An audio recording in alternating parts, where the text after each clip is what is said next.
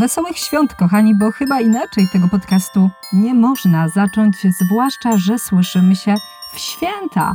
A skoro święta, to prezenty i ja mam właśnie dla Was dziś w prezencie ten świąteczny podcast. Będzie to taki trochę kolaż, taki zlepek różnych historii, jakie przyszły mi do głowy, kiedy pomyślałam sobie święta. Święta Bożego Narodzenia w malarstwie.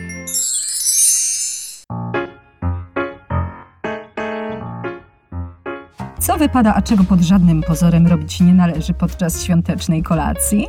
Czy święty Mikołaj może mieć w brzuchu szuflady? Jak wygląda Boże Narodzenie w przybytku, rozrywki i czy praca jest ważniejsza od rodzinnych świąt? Odpowiedzi na te frapujące pytania udzielą najwybitniejsi malarze, ci, którzy uwielbiali szokować i wywoływać skandale. Nazywam się Agnieszka Kijas i jestem krytykiem sztuki, a wysłuchacie świątecznego podcastu z serii Dawno temu w sztuce. Czyli wszystko, co chcesz wiedzieć o malarstwie, ale bez nadęcia. Gdybyśmy mieli potraktować motyw Bożego Narodzenia tak zgodnie z literą historii sztuki i przeszlibyśmy przez te wszystkie stajenki, żłóbki, przez te dzieciątka i Maryjki, no, to nie zrozumcie mnie źle, bo nie chcę nikogo urazić, ale byłoby piekielnie nudno. Serio. Historia sztuki potrafi być naprawdę bardzo, bardzo ciężko strawna i to znacznie bardziej niż świąteczna kolacja.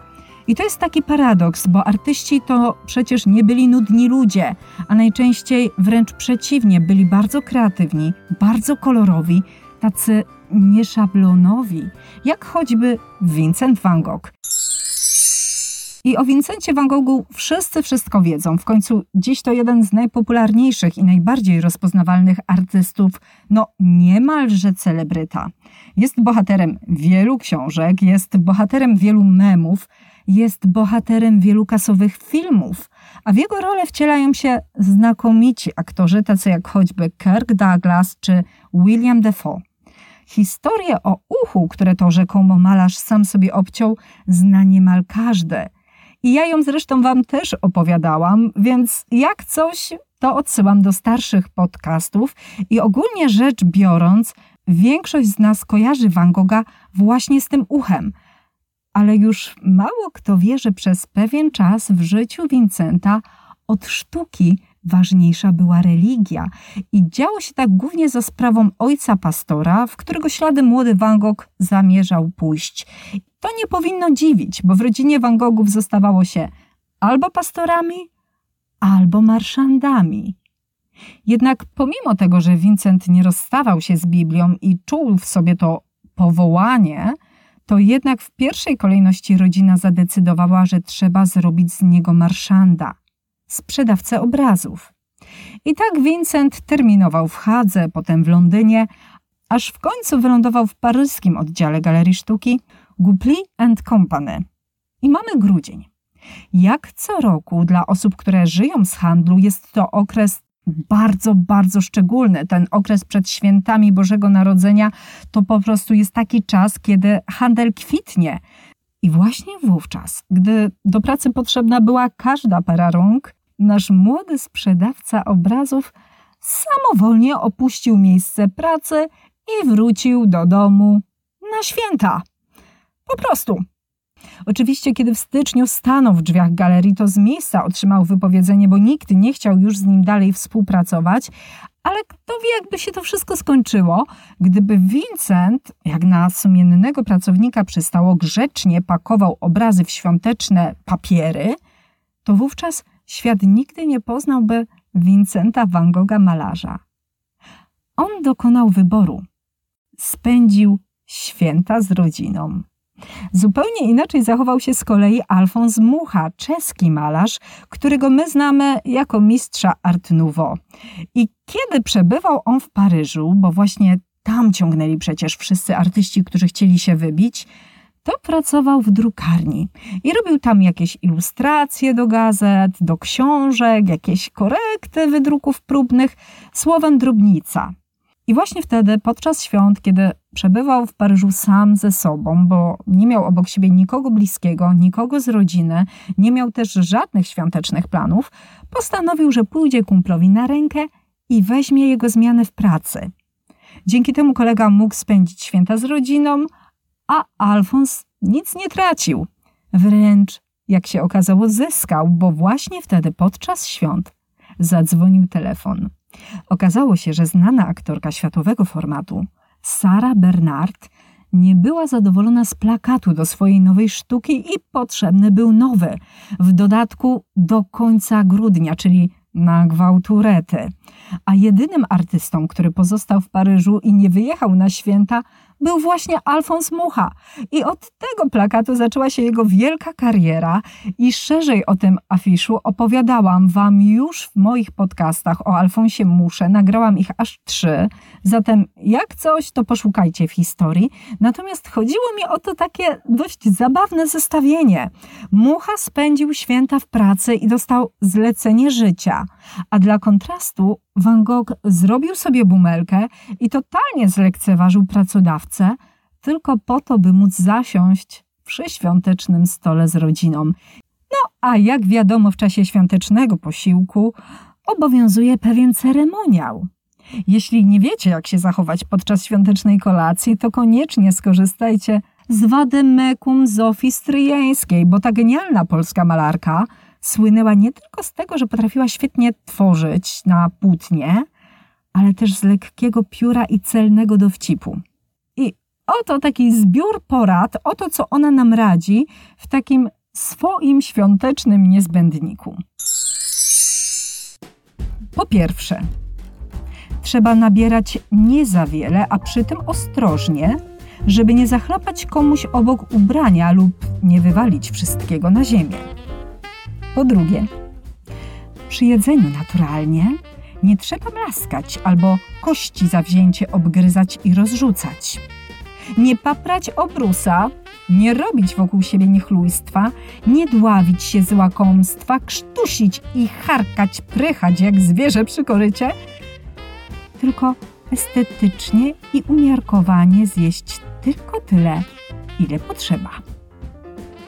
Po trzecie, dmuchanie zupy, herbaty, chlipanie łyżką, jak i oblizywanie łyżki jest niedozwolone w eleganckim świecie.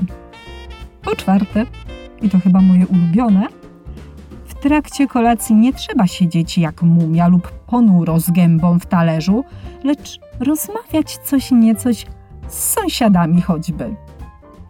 Po piąte, w rozmowie z ludźmi nie upierać się zawzięcie przy swoim zdaniu i zbijać poglądy drugiego słowem nieprawda, choćby nawet i nieprawda była. Po szóste, lekki flirt zawsze należy do dobrego tonu. A gdy już dorośli będą flirtować, dzieci dobiorą się do prezentów. Te przynosi dzieciątko albo święty Mikołaj. No, byle nie taki jak ten z surrealistycznych pocztówek. Bo wyobraźcie sobie ogromnego świętego Mikołaja, który siedzi zakopany w śnieżnej zaspie. Ma białą brodę, jest ubrany w czerwony strój i uśmiecha się wesoło. Jak to Mikołaj? I niby wszystko się zgadza, zwłaszcza, że jeszcze dodatkowo ten sympatyczny staruszek zwraca się do chłopca w niebieskim ubranku i wręcza mu prezent. Rzecz w tym, że wyciąga go nie z przepastnego worka, a ze swojego równie przepastnego brzucha, z którego sterczą dwie szuflady. Dwie szuflady! Tak kontrowersyjny wizerunek ulubionego świętego wszystkich dzieci mógł stworzyć tylko szalony Hiszpan z sumiastym wąsem i ego wielkości Pałacu Kultury. Salvador Dali, mistrz surrealizmu. I ten makabryczny Mikołaj powstał na zlecenie firmy Hallmark. Jej założyciel, J.C. Hall, wpadł na taki dosyć fajny pomysł, bo on chciał szerzyć sztukę wysoką wśród zwykłych ludzi. A jak trafić do zwykłych ludzi? No, w okresie świąt to najlepiej poprzez okolicznościowe pocztówki, kartki świąteczne. I wpadł na pomysł, że zaprosi do współpracy takich artystów malarzy, których dzieła z powodzeniem można podziwiać i oglądać w galeriach sztuki. I jednym z nich był właśnie Salvador Dali. Niemniej jednak, gdy JC zobaczył gotowe projekty Salwadora, to po prostu złapał się za głowę, bo cóż to za koszmarny Mikołaj? Dlaczego jest taki gigantyczny i po co z jego brzucha wystają te przeklęte szuflady? W jednej z nich piętrzyły się stopione zegary, a jak wiecie, stopione zegary to jest ulubiony temat Dalego, a w drugiej przycupnął mały, biały króliczek. Czyżby to był ten sam mały biały królik, który oprowadzał Alicję po krainie czarów? Kto wie, być może. Tylko jak to wszystko się ma do bożonarodzeniowej atmosfery? Nie wiadomo. Wiadomo natomiast, że właściciel zorganizował huczne przekazanie projektów dzieł Dalego do stałej kolekcji Hallmarku, a zaraz po imprezie kazał ukryć upiornego Mikołaja w szafie i to w dodatku pod kluczem. Ale powiem wam, że to i tak jest nic w porównaniu z tym, co zrobił Edward Munch, autor słynnego krzyku.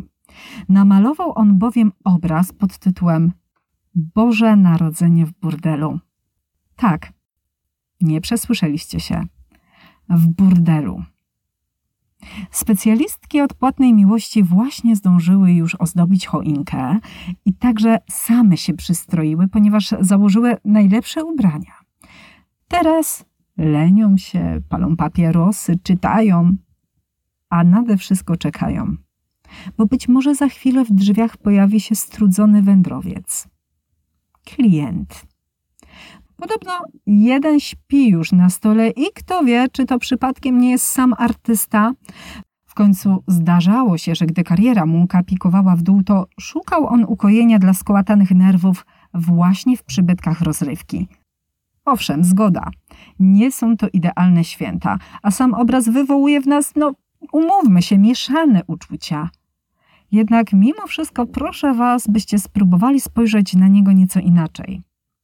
W tej obskurnej scenerii wydarzyło się bowiem coś wzruszającego. Prostytutki ubrały choinkę. Jak widać, Boże Narodzenie zmiękcza serca ludzi i to bez względu na to, jak przerażająca jest ich praca. I tej chwili refleksji, refleksji ze sztuką w tle, z całego serca życzę Wam wszystkim, drodzy słuchacze, w tym ostatnim dniu świąt Bożego Narodzenia – do tych życzeń oczywiście dołącza się zdolna tyszanka Hania Derej, która dziś wyjątkowo nie zagra dla Was swojej kompozycji, tylko kolendę. Chciałabym życzyć zdrowych, bo to najważniejsze, wesołych i radosnych świąt. I proponuję, żeby zamiast rozmawiać o swoich problemach, czy o, o tym, co nam nie wychodzi, czy o polityce, po prostu nacieszyć się bliskością rodziny jeszcze raz zdrowych, wesołych świąt i do usłyszenia. Mówiła dla Was Agnieszka Kijas, krytyk z sercem do sztuki.